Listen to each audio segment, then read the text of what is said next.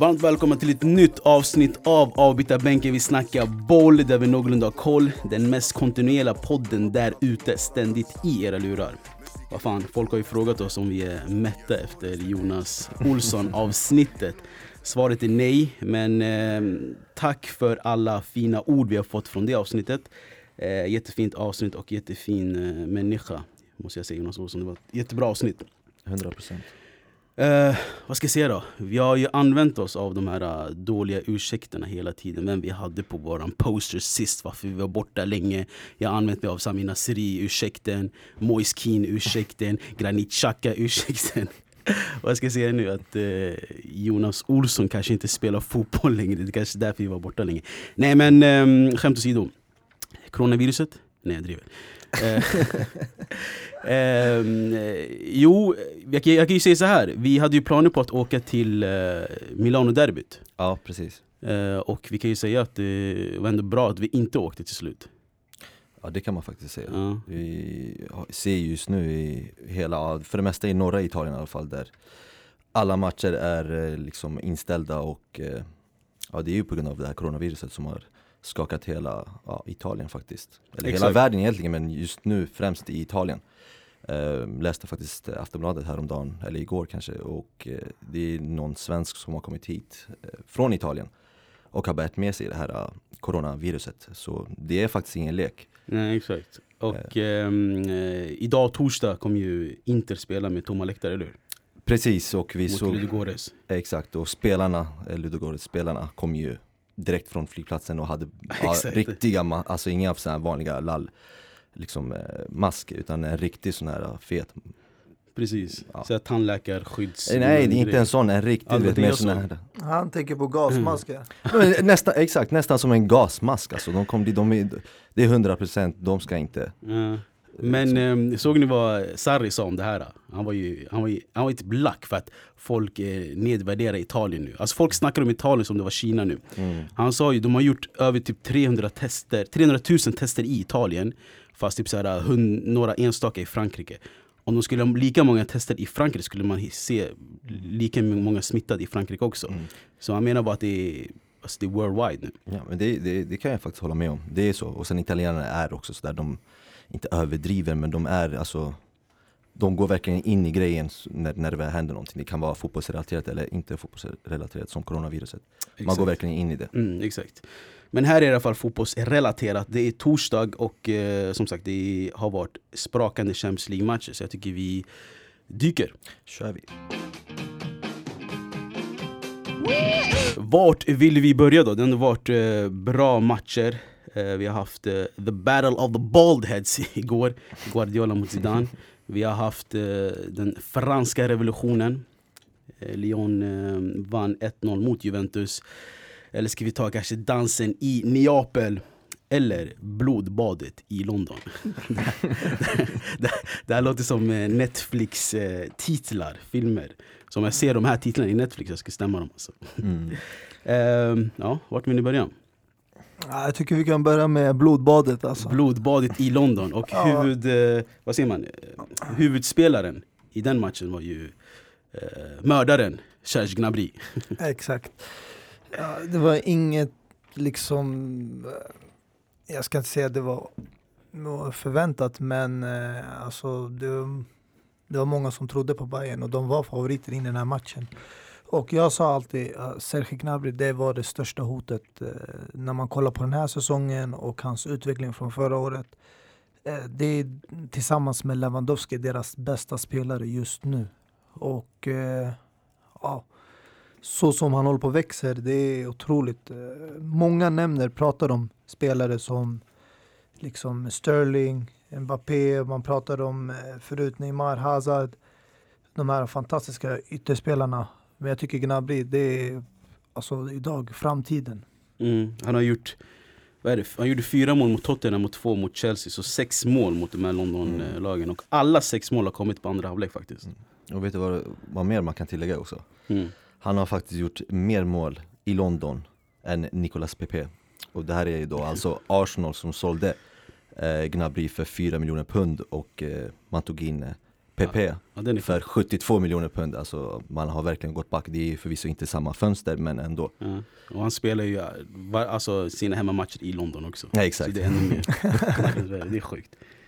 Eh, nej men det finns så mycket att säga om den här matchen och jag tror ingen förväntade sig att Chelsea skulle vinna. Mm. Ehm, Men Däremot- in, ingen förväntade sig 3-0 heller. Eh, Eller alltså, den som gjorde det, då var man verkligen liksom högmodig eller nej, alltså, alltså, hade- man förväntar sig ändå ett så här, 2-0 marginal från Bayern, eh, av Bayerns håll. Mm. Alltså jag jag tycker, eh, det, jag visste att det skulle vara en jämn match. Men sen det var de här just målen, det var enstaka liksom små missar och tabbar från försvaret eh, där man tappar fokus. Första målet var ingenting man kan klandra en spelare, det var liksom otur när Aspelkueta halkade. Mm. Men jag tycker ändå i helhet, alltså om man kollar till exempel första halvlek, det var ganska jämn match. Alltså Bayern hade mer press, men båda lagen hade sina chanser. Vem Mm. som helst kunde ha tagit ledningen. Exakt. Eh, och eh, alltså, man kan ju lyfta upp massa så individuella spelare i Bayern München. Eh, jag tyckte Müller var helt otrolig. Han, var ju, han låg ju liksom nästan bakom det första målet när han drog med sig, jag tror det var Rudiger, för att skapa yta till Mm. Gnabry. Och man glömmer bort hur bra Müller är, man glömmer bort hur bra Lewandowski är och Neuer har hittat tillbaka till sin storform också. Alfonso Davis var helt sjuk. Eh, alltså ägd i den här korridoren. Blotta 19 år, född 00. Ja. Yngre än eh, Haaland som vi hela tiden hyllar. ja. Nej, men han är också en spelare som eh, enligt Alaba själv just nu anser vara en av världens bästa vänsterbackar. Mm. Och det är bara nu liksom. Och sen, ja, 19 år gammal. Jag tror om han stannar kvar i Bayern eller går vidare, jag tror det, alltså, det kommer bara gå uppåt för honom. Exakt. Och det var skitnice att se också i slutet av matchen när folk sjöng hans, eh, hans namn. Och Lewandowski bara puttade in Exakt, honom han var ja. jätteblyg för att, eh, för att tacka dem. Så, Ja, ja. Exakt, så det var nice. Men, Eh, alltså, han, bara, ja. alltså bara det jag, jag tycker är så, så jävla fasc- fascinerande med Bayern München det är att de kan ta in, alltså lägga in yttrarna som mittbackar. Alltså vi har sett Alaba som mittback nu senast, vi har sett Lucas Hernandez eh, som eh, mittback, vi har sett Pavard som mittback. Alltså det är inget lag som gör sånt där, som kan Mm. lägga mitt, alltså yttrar. Det här är faktiskt renodlade yttrar, det är inga yttrar som vet Ivanovic till exempel som, som kan spela ytter och mittback. Utan Mm. de här är verkligen yttrar. Och man lägger dem som mittbackar och de presterar ändå jävligt bra. mm, jag tror Pavard var, alltså, han var mittback i Stuttgart, i klubblaget, men i landslaget han spelar högerback. Precis. Men nu har han spelar högerback också. Jag tror Lucas Hernandez har liknande situation. Mm, Han exakt. spelade mittback i Atletico Precis. ibland och sen eh, när Philippe Luis var där. Och sen spelade han eh, vänsterback med eh, landslaget va, i Frankrike. Mm, exakt, exakt. Men det är det, de har alltså investerat väldigt bra i försvaret måste jag säga. Mm. Eh, Men jag menar alltså allmänt i, alltså det är det. Alltså man glömmer ju bort Bayern München i, i helhet. Eh, man glömmer bort Lewandowski, att han är faktiskt världens bästa nummer nio. För ingen kollar på Bundesliga. Och jag tycker utöver Bayern München också finns så många bra spelare i de andra lagen. Eh, till exempel i Leverkusen, vi har den här Kai Havertz, 99. Leon Bailey spelar där, Kevin Folland. Det är skitbra spelare men tyvärr, de överskuggas av de andra ligorna. I, i uh, Mönchengladbach har vi and, eh, vad heter han? Alessandro Plea. Mm. Jag kommer ihåg att vi Plea. en gång, eh, exakt, när vi skulle lyfta upp eh, veckans spelare så hade vi Plea. Eh, Marcus Thuram, Lilian Thurams son. Och eh, Dennis Zakaria. Så det finns skitbra spelare i de här lagen. Och Dortmund också om jag ska nämna dem utöver eh, Haaland, Ashraf Hakimi och de här som vi känner till. Torgan Hazard och eh, Jadon Sancho. Men så, ja, jag tycker alltså det är, Alltså nu, de överskuggas eftersom att Tyskland har inte lyckats så bra i Europa och Champions League. Alltså du kollar de senaste åren, senast Bayern München vann, det var 2013 och då mötte de ett annat tysklag i finalen. Men när eh, Bayern München har stött på andra lag eh, längs vägen, alltså nu i finalen innan det mot Chelsea, eller efter det när de har haft sina bra år med Guardiola men alltid åkt ut. Det är därför man liksom sätter inte den bemärkelsen som de förtjänar men det är för att de inte har lyckats ute i Europa bland eliterna. Ja men det är det jag menar, alltså, vi, vi, vi kollar ju bara på tyskarna när de spelar ute i Europa. Och eh, allmänt i deras inhemska ligor så ger de sina unga chans hela tiden. Till exempel eh, han den här engelsmannen i Dortmund, eh, inte Jadon Sancho utan eh, Giovanni Reina. Mm. 02 har redan gjort Han sex. är amerikanare. Han är amerikan fast född Mm. i England. Har alltså gjort sina u-landskamper i, i USA. Mm. Men fortfarande, han är född 02 och har redan gjort sex matcher för Dortmund. Eh, Så det är mycket man, man går miste om när man inte kollar på Bundesliga. Och tyvärr, det är ju så. Är, man kollar ju hellre på Serie A, La Liga och Premier League. Ja. Nej men jag kan säga klart tydligt, alltså i förhand såg jag PSG och Bayern München som favorit Champions League.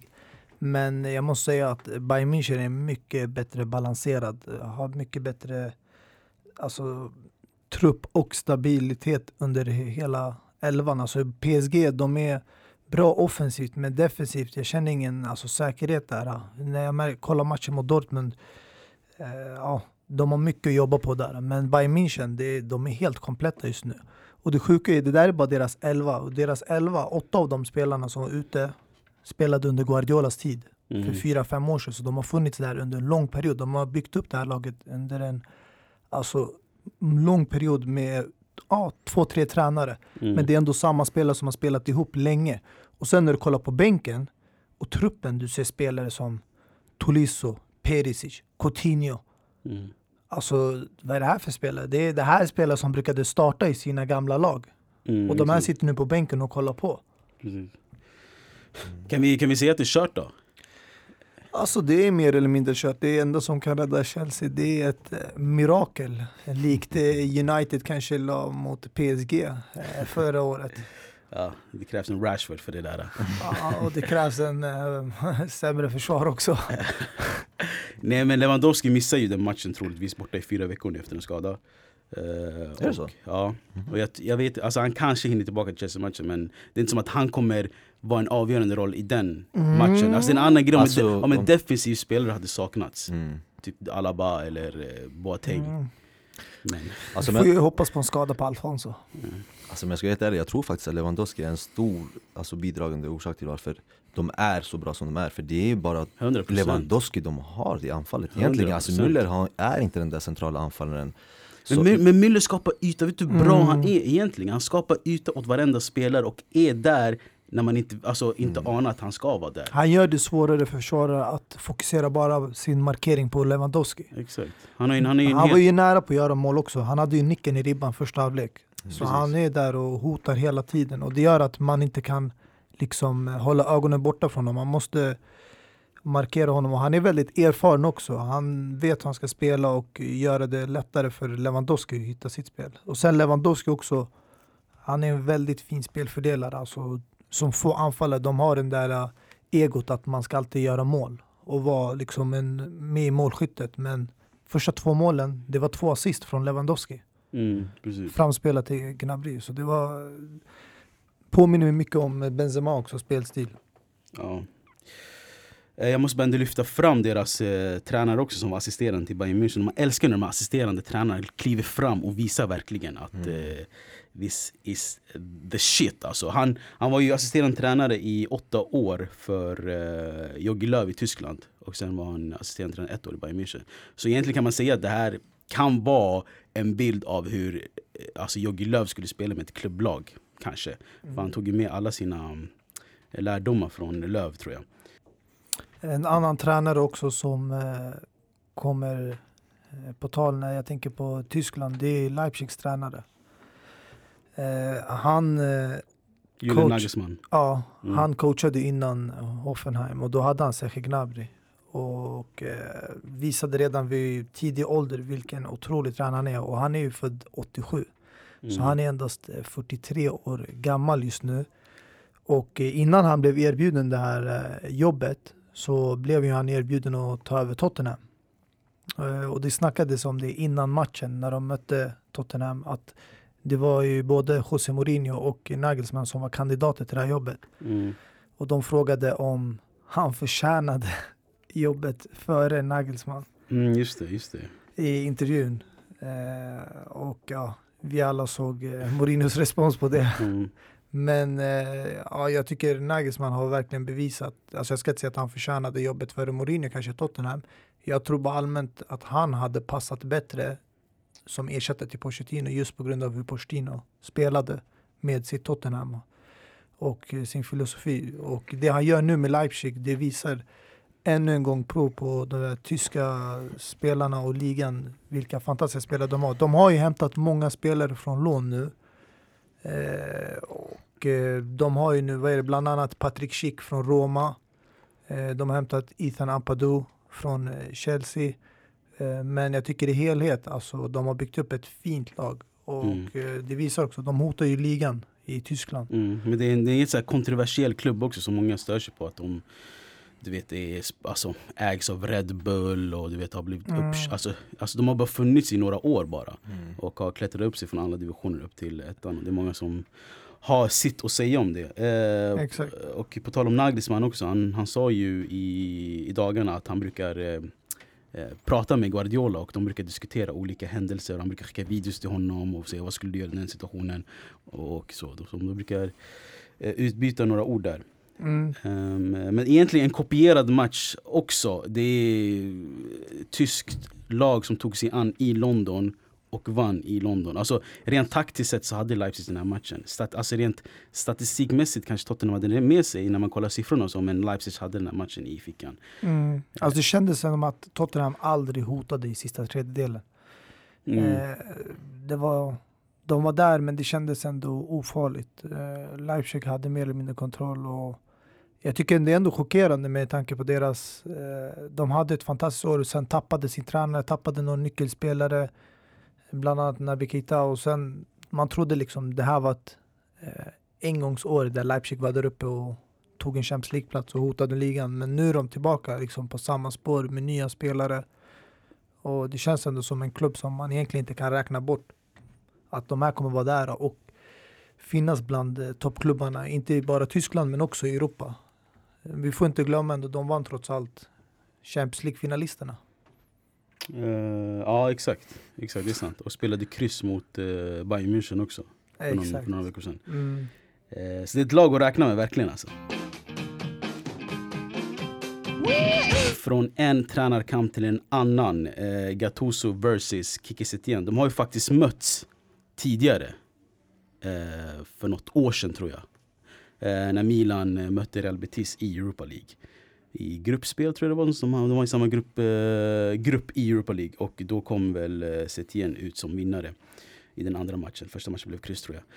Ja, vad har vi att säga om eh, Napoli-Barca-matchen? Eh, Barca som kommer med väldigt så här, eh, alltså, få spelare i, i, i, i nummer, siffror. Eh, jag har hört att de har typ så här 12 spelare tillgängliga nu till nästa match. Eh, och så. Och eh, har eh, alla sina offensiva kvaliteter borta. Förutom Messi och Griezmann då. Ja, det är en jobbig situation för dem. Men å andra sidan eh, så känner inte jag i nuläget att jag kan tycka synd om en sån klubb som eh, börjar värva spelare mitt under en säsong. Eller mot slutet av säsongen, man ska säga, när ingen annan kan egentligen värva.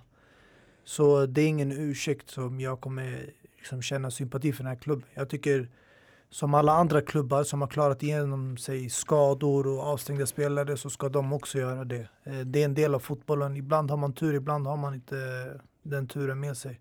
Ja men ska vi ta det alltså? Eh, Det här transfergrejen som, eh, som Barca, som alla har klagat på typ. Alltså Mm. eh, som eh, jag läste i Fotbollskanalen som Adam Pintorp skrev tror jag. Alltså låt oss vara tydliga. Det är ett regelverk som finns i, i, i Spanien. Det spelar ingen Så roll. eh, hata, hata regelverket, inte klubben som han skrev i sin... eh, Jag hatar klubben, vet du varför? Eftersom det här regelverket finns, men vi kan inte sitta och säga att ingen annan klubb som kanske Real Madrid eller Atletico Madrid har befunnit sig i en sån här situation. Jag tror de har haft, jag kommer ihåg till exempel när Real Madrid hade så många skador att de hämtade en in Adebayor på lån. Men de väntade till januari när det var, inte jag ska säga lagligt, men när det var en transfer window som var tillgänglig för alla klubbar, inte bara i Spanien men i Europa. Men ingen har liksom utnyttjat regelverket på så sätt att när man har haft så många skadespelare och man är i behov av en spelare, man hämtar in en sista två, tre månaderna.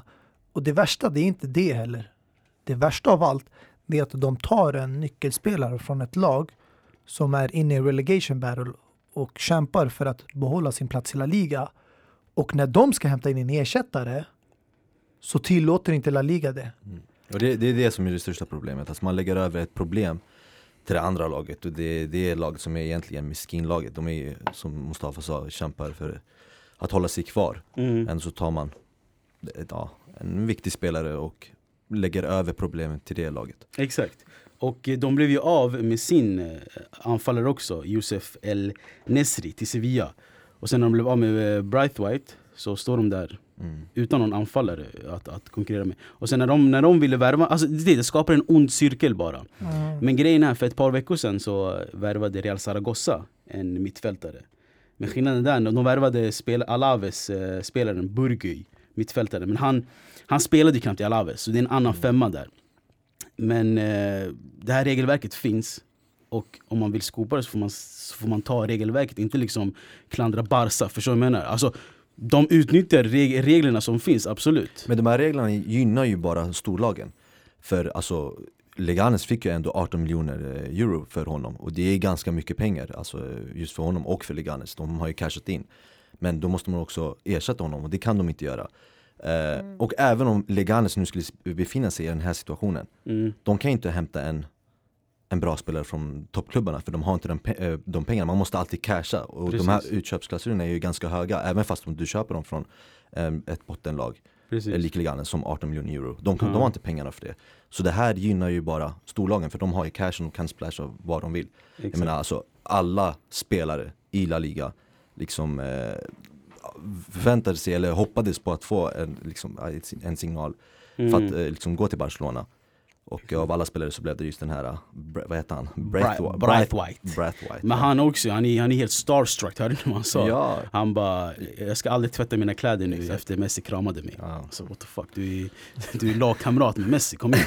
Lite värdighet måste du ha. Nej men alltså grejen det finns ju en annan regel tror jag som alla ligor kan applicera. Det är den här när typ två målvakter i din trupp är skadade. Då får du värva. Eh, och det, det, det är förståeligt, det är en målvakt. Du har inte så många målvakter i truppen. Men jag menar, alltså anfallare, just Barca, le, vad säger man, eh, mer än en klubb, klubb. Deras La Masia.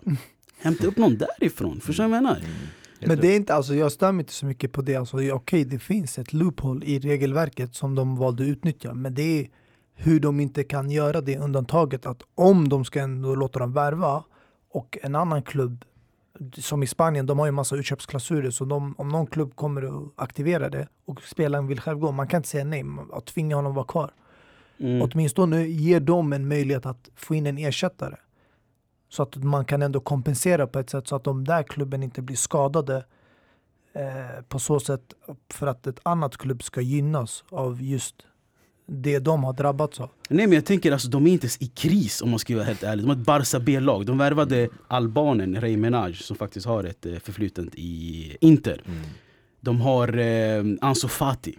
De har en annan japan i Barca B, eh, Hiroki Abe. Bara för att flexa lite här. Men det finns, och, och sen har de Griezmann och Messi också. Så jag vet inte, jag ser inte det här, äh, den här krisen. Så som, och jag, vet inte, jag tror inte att Barca-fansen är helt jättenöjda med det här heller, om vi ska vara ärliga. Nej, nej. Ja. Alltså det jag sitter och tänker på nu är det, det som jag nämnde innan att eh, men, Alltså de här mindre lagen, de kan inte punga ut eh, para för att köpa ut eh, en spelare Så som Barca gjorde nu med 18 miljoner euro Vet ni hur mycket Barcelona la utköpsklausul på den här? Breathwhite Hur mycket?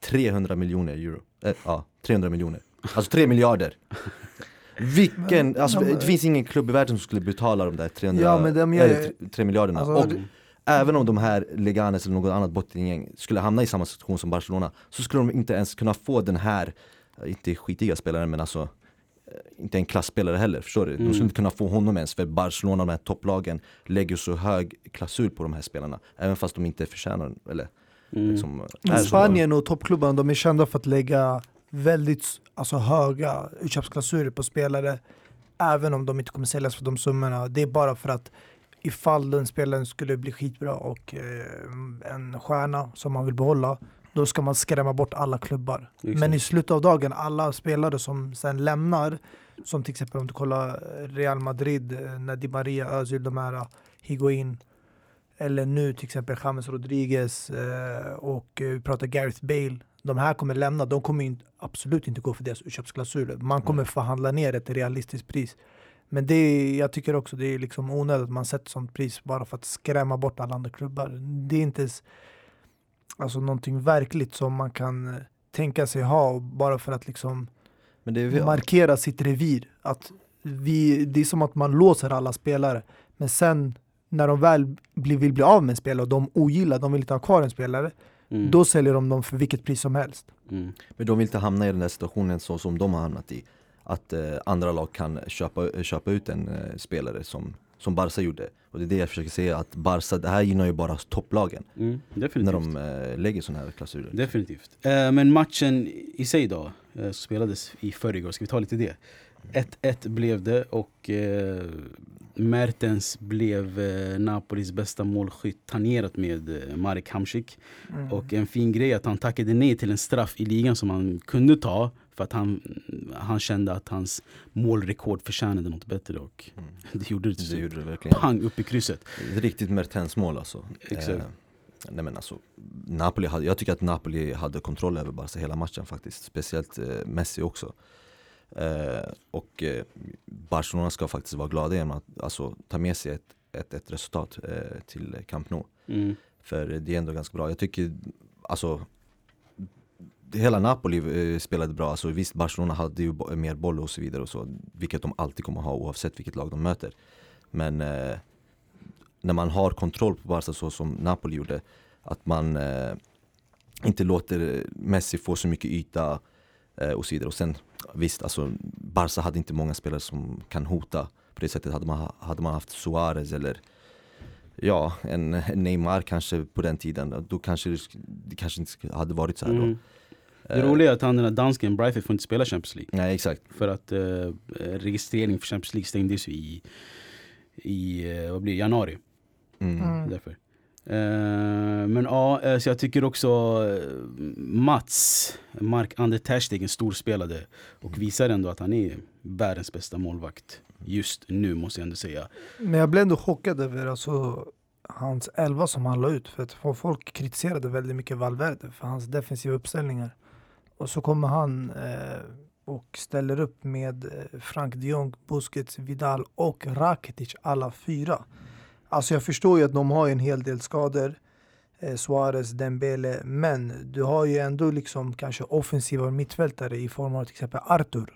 Som du kan sätta in istället för kanske Busquets eller Nej, man har ju Ansu Fati också som kan, kunde spela till start Han är ju väldigt duk- duktig Och det är så här spelare som ändå finns där och ändå har spelat en hel del ligamatcher. De är inte helt okända för åskådarna och fansen. Det är inte som att de här har aldrig spelat en Champions League-match. De har gjort, eh, spelat och gjort avtryck både i Champions League och i ligan. Men ändå så kommer han upp med den uppställningen och det får mig ifrågasätta. Mm. Är det här uh, verkligen någonting nytt? Eller spelar de bara sitt Barca-spel, eh, den filosofin som Setien har när de möter sämre och mindre klubbar? Mm. Jag vet inte, de kanske känner att de, de eh, alltså, chasade bort vad heter han, Valverde så mycket att de inte har liksom eh, de, de, de, de har inte råd att klaga över den här nya tränaren längre.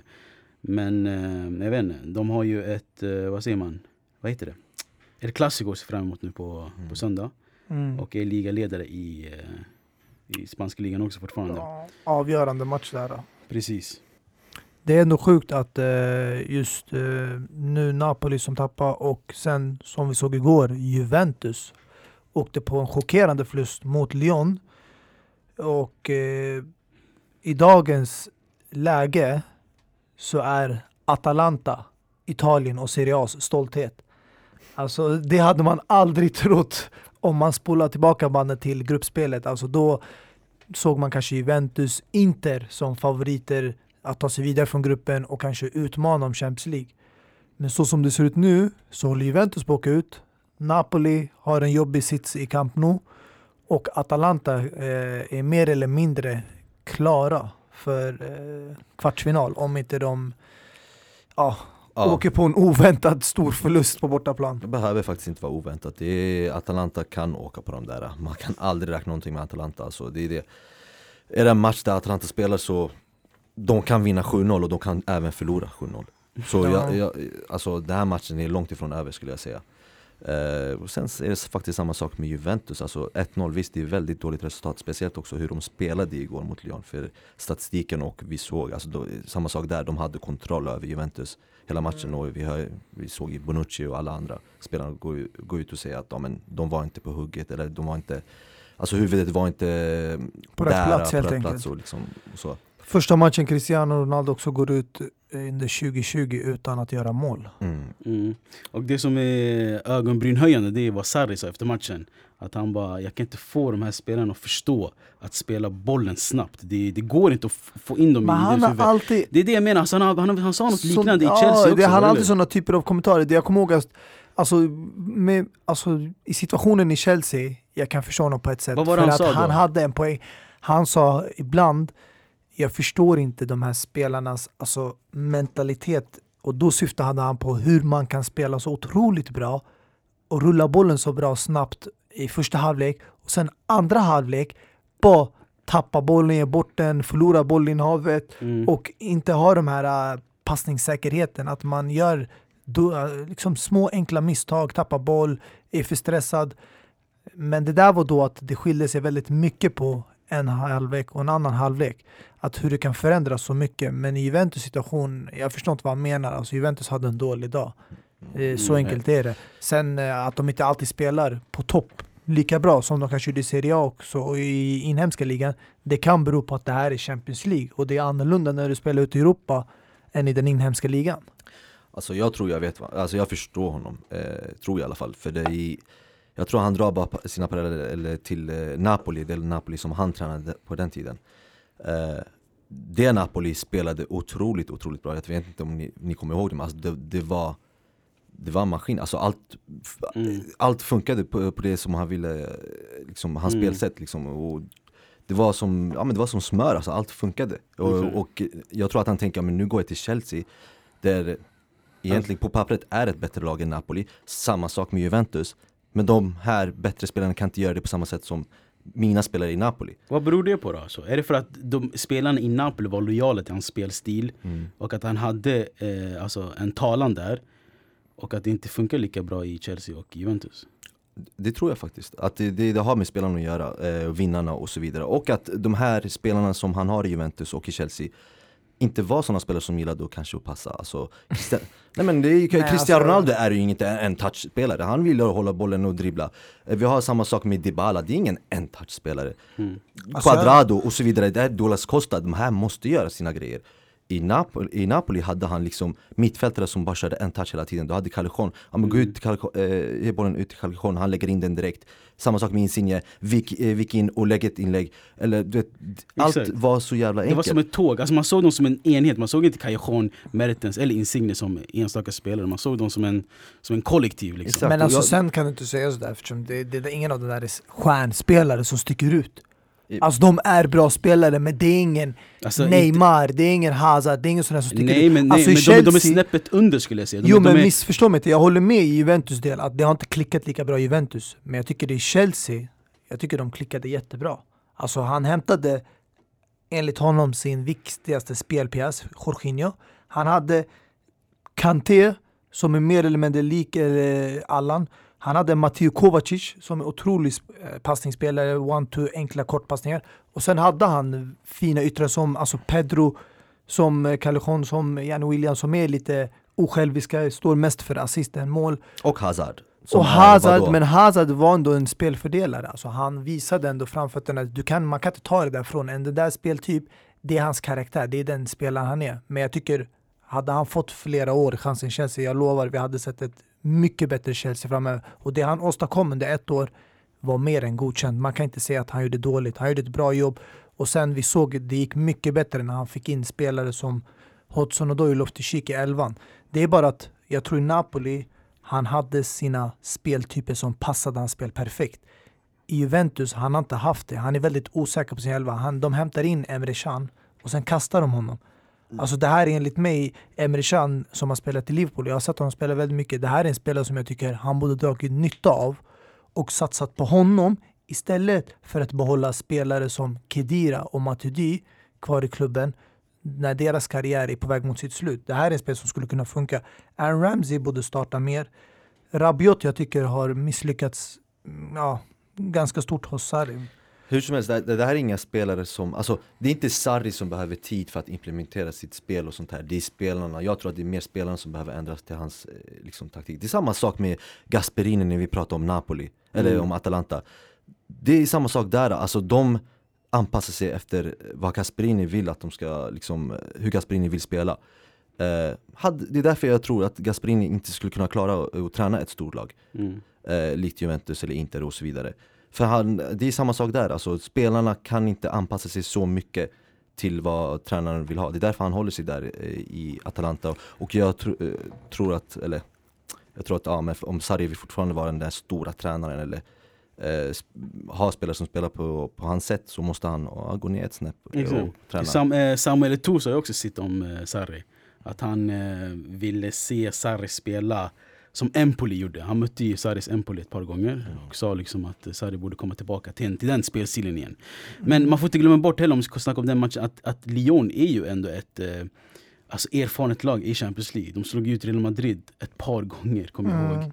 Eh, och det, det är ändå ett lag att räkna med och jag tror på något sätt att Juventus eh, underskattade det här franska laget.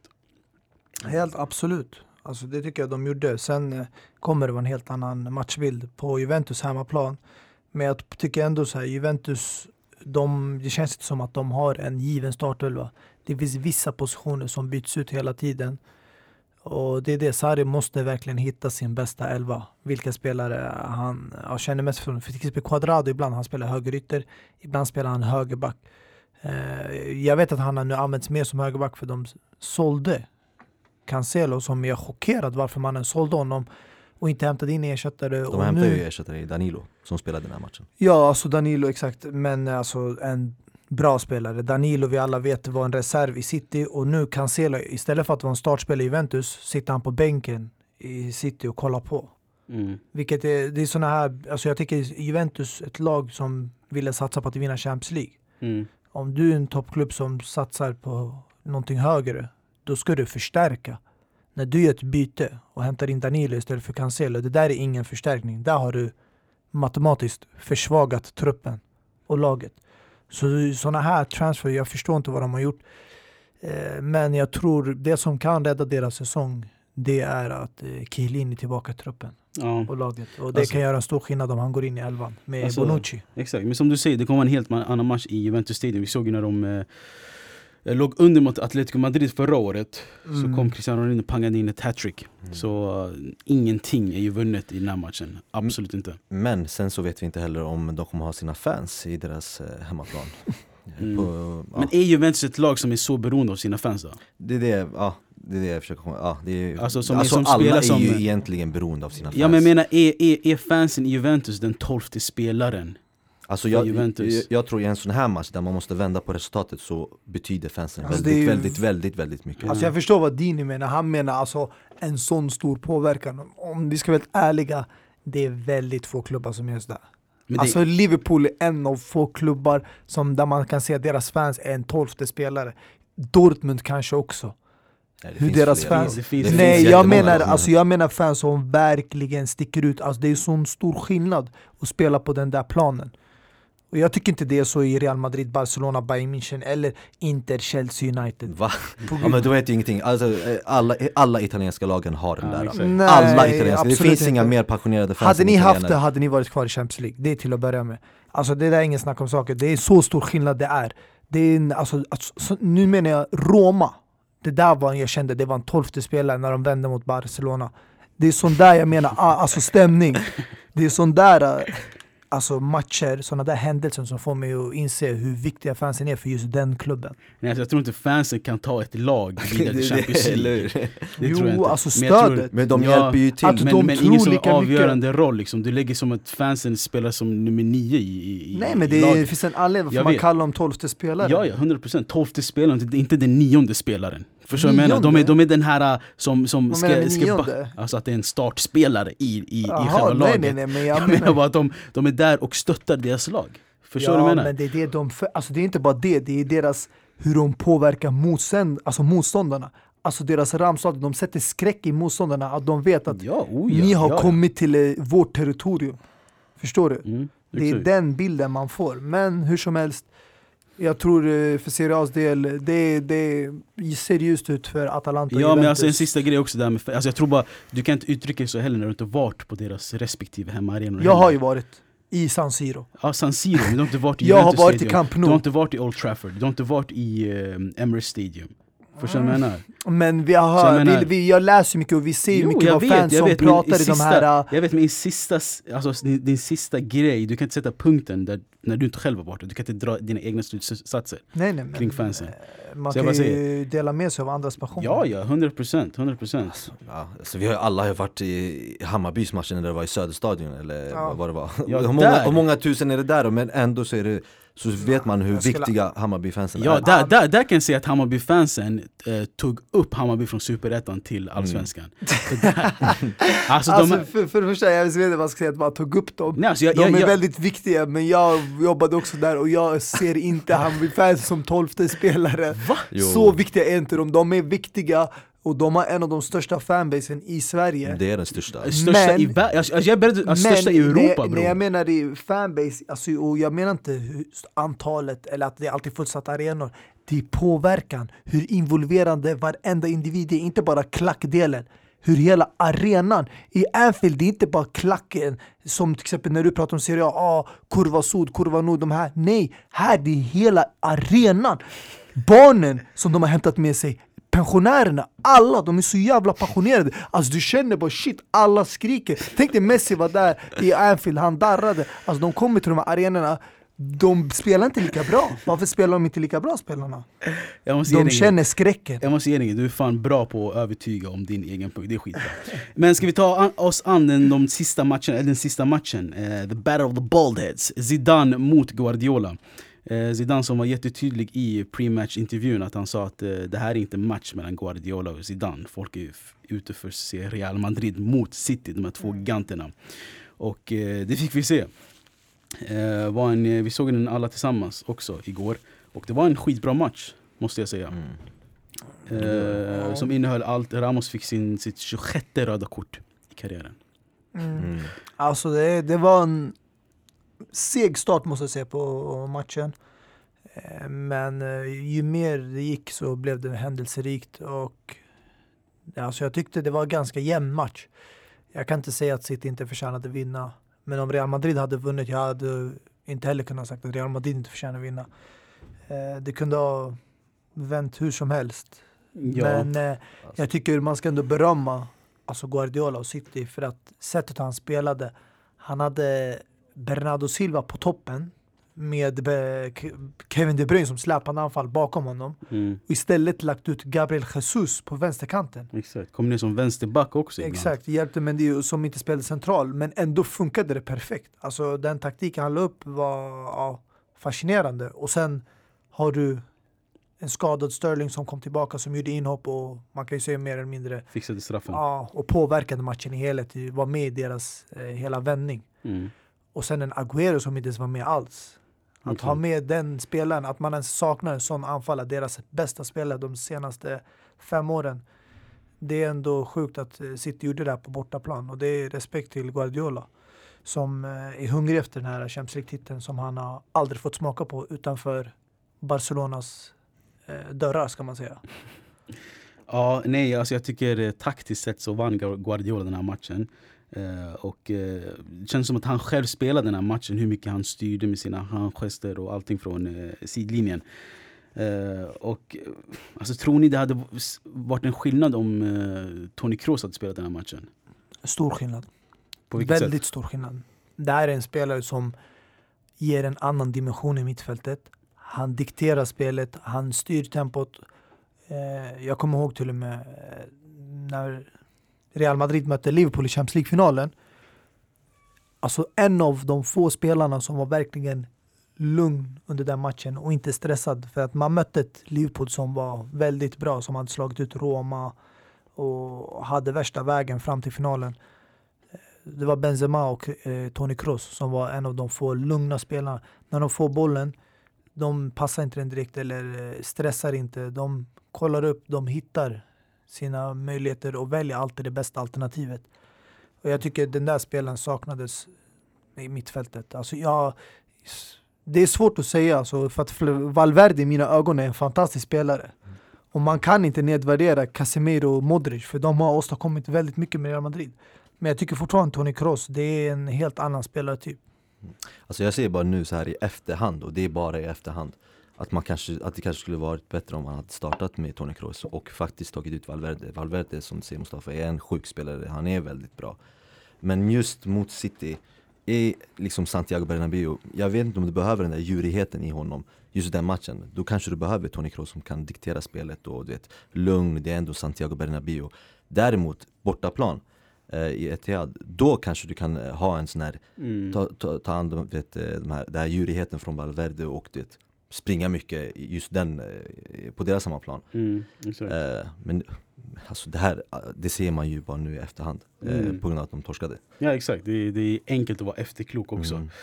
Eh, när man snackar om City nowadays och snackar om Champions League så måste man ändå snacka om deras transfer ban. Eh, vad säger jag transfer ban? Jag är så hooked up med Chelseas transfer ban. eh, bannen från eh, Europa. Mm. Och eh, sist jag läste igår att de har skickat en överklagan, eller ska skicka en överklagan. Eh, och de är, vad sa man, det är, det är två års avstängning mm. från eh, Det är ett stort beslut för den här klubben, för spelarna, för tränaren, för allihopa. Alltså det är något som verkligen kommer eh, alltså drabba klubben stort om de inte lyckas överklaga det här beslutet. För att många av de här, eh, alltså jag skulle säga majoriteten är stora spelare, stortränare som måste ha Champions League varje år. Ja, det är deras DNA mer eller mindre. Det är svårt för dem att spela en klubb eller en liga där man inte är med i Champions League. Eh, inte ens Europa League skulle räcka till. Eh, det, det, det, är ingen tröst för dem. Om de spelarna, om det skulle vara så att de inte får den avklagan igenom, jag tror många, vi kommer se många spelare och kanske tränare lämna för att de kommer inte klara av det mentalt att stanna kvar och vänta två år på att få vara med igen. Men de som verkligen stannar kommer jag ha ännu mer, större respekt för. För att de verkligen är starkt mentala och verkligen kan stå ut med att vara utifrån den europeiska turneringen i två år. Men jag, som sagt, jag har svårt att se att det håller i två år. Jag såg bara tidigare när Chelsea fick transferban.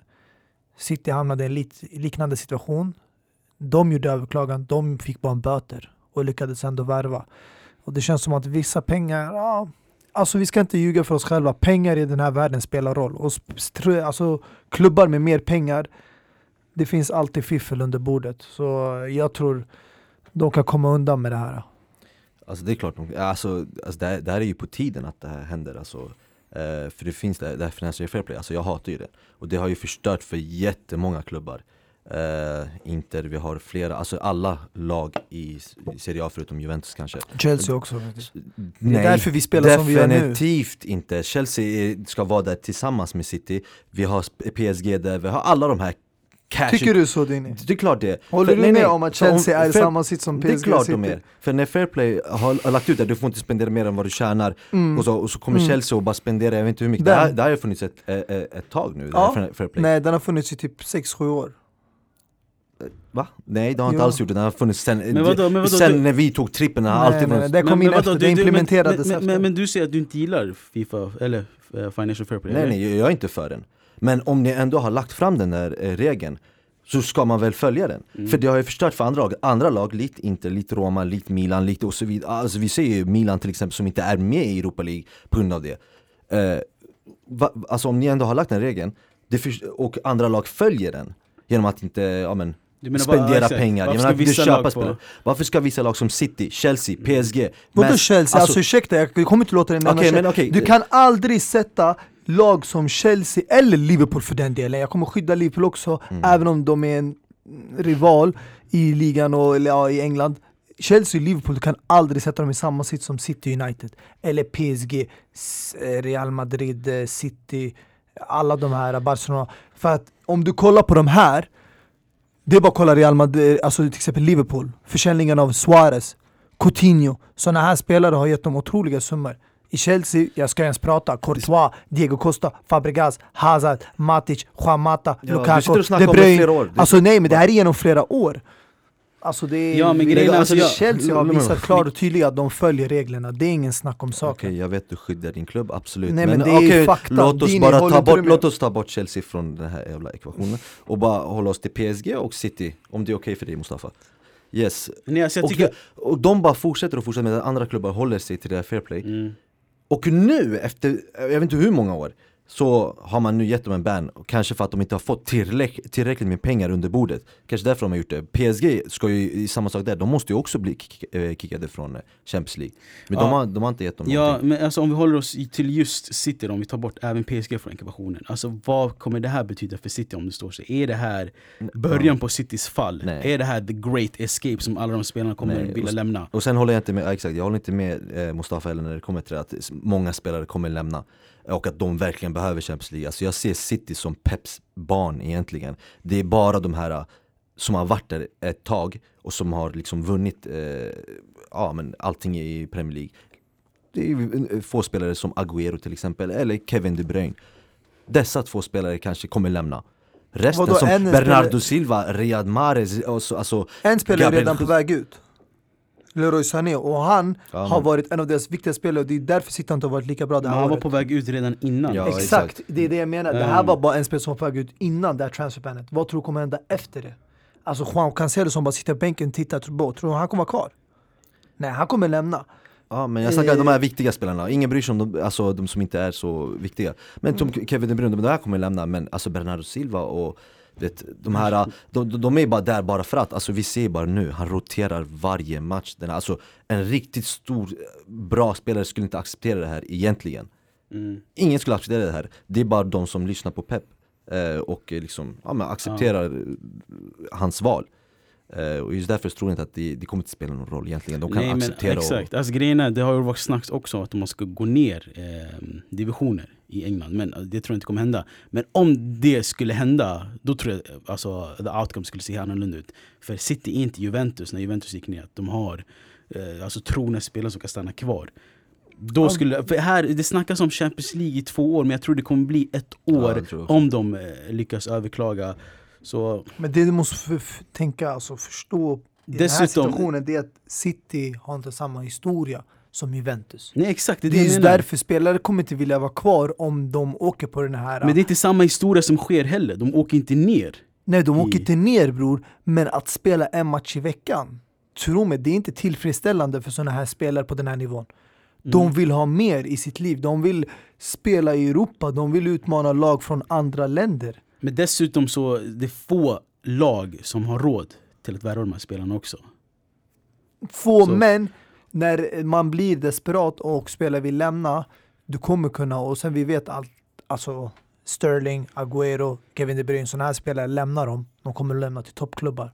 Och toppklubbar som Barcelona, Real Madrid Juventus som är, de har de pengarna att lägga på sådana spelare. Så jag tror inte det kommer vara ett problem.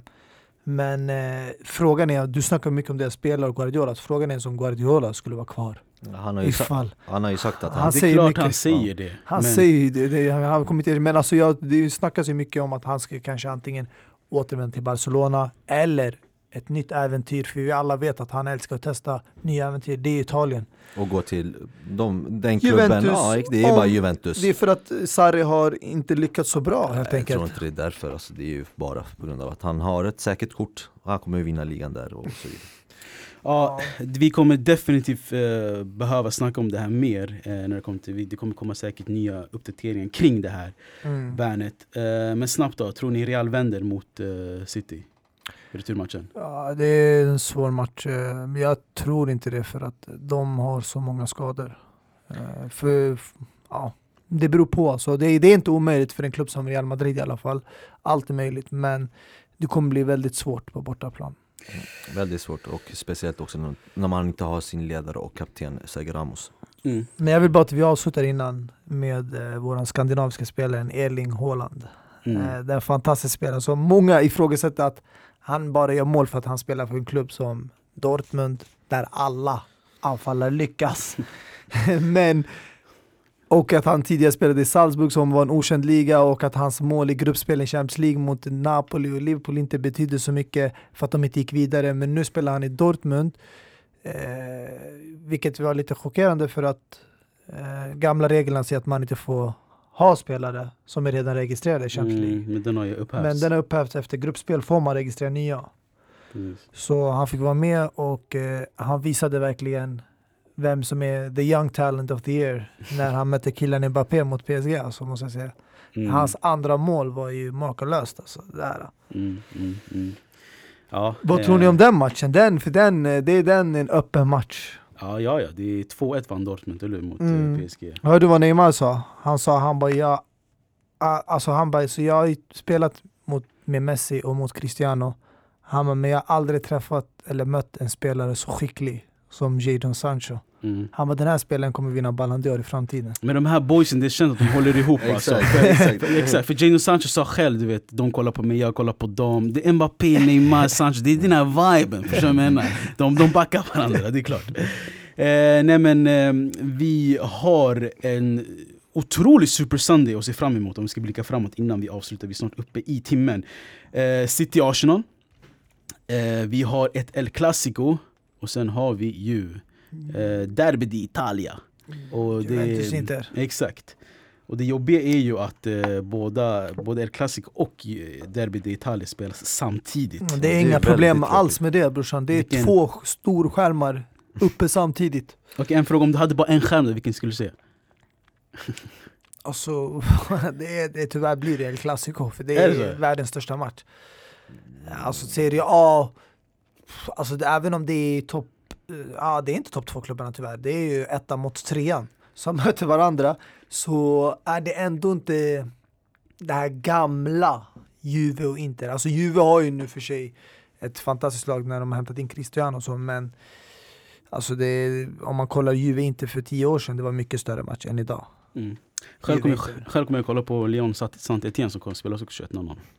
det eh, nej men du kommer ju obviously kolla på Juventus Definitivt, eh, Inter. definitivt. Och sen Ja. köper jag köper ju Mustafa, det han försöker säga, men det är ju samma sak med El Clasico. Alltså det är inte samma sak som för några år sedan när Kri- Krille och eh, Messi möttes. Är Det är sant, men nu det är ändå Messi är ändå fortfarande kvar i Barca och Zidane är tillbaka i Real Madrid och det är det jag är intresserad av att se över för att eh, ja, det är, och där är en väldigt avgörande match alltså för att eh, den som vinner kommer bli etta i ligan. Men jag tror i ert fall, om ni vinner och Så har Lazio chans att hamna etta. Så jag hoppas det blir där eh, Inter vinner eller kanske oavgjort så man får se Lazio ta kommandot i Serie A. Och se om de kan hålla det hela vägen eh, mot slutet.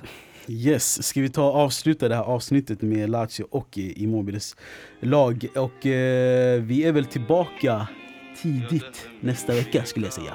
Absolut. Yes! Peace! Peace. Jag tar cellen för dig, jag tar smällen för dig. De är horor när vi kommer, de sväller till sig. Vad du vill, vi säljer till dig. Hämta fem match, du väljer till dig. Kalashnikov Inspektera kul och jag fast till dem. Och ville spela match, El Clasico Och om du öppnar munnen, the hospital yeah, yeah. Gassa med braj, hasta la vista Jag hustlar for life. Min bror tog min fickan, jag halva min paj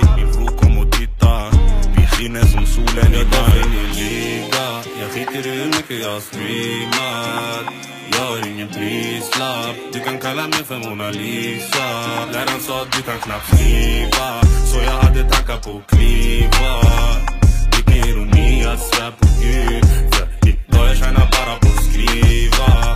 Tigga guld och brorsan talar silver. Så håll tyst, vi vet bara hur man vinner Back de hatar dig, vi ger dem inte en fingret Jag älskar para så det bara i mitt sinne Halv kanin och vi spränger i Nymansre När vi shoppar då vi kollar på det dyraste Kolla det här, det blir fint på den fulaste Pengar är makt, vem som helst där kan styras Bara vi kan inte lita på någon Om vi har planer kan inte visa för någon om det inte är min liga, jag svär då det inte är intressant. Ska inte kriga för någon? Jag min liga, jag skiter i hur mycket jag streamat Jag har ingen prislapp. Du kan kalla mig för Mona Lisa. Herran sa att du kan knappt skriva. Så jag hade tankar på att kliva Vilken ironi, jag svär på Gud För idag jag tjänar bara på att skriva. Hey, ha, ha, ha min bror sa att la, lana har kommit hit med en skrutt i araber och de spelar right och da ha, ha, ha, ha, ha, ha. Min bror sa att la, lana har kommit hit med en skrutt i araber och de spelar right och där. Yeah, yeah, yeah. Jag tar för min liga. Jag skiter i hur mycket jag streamar. Jag har ingen prislapp. Du kan kalla mig för Mona Lisa. Är sa att du kan knappt skriva.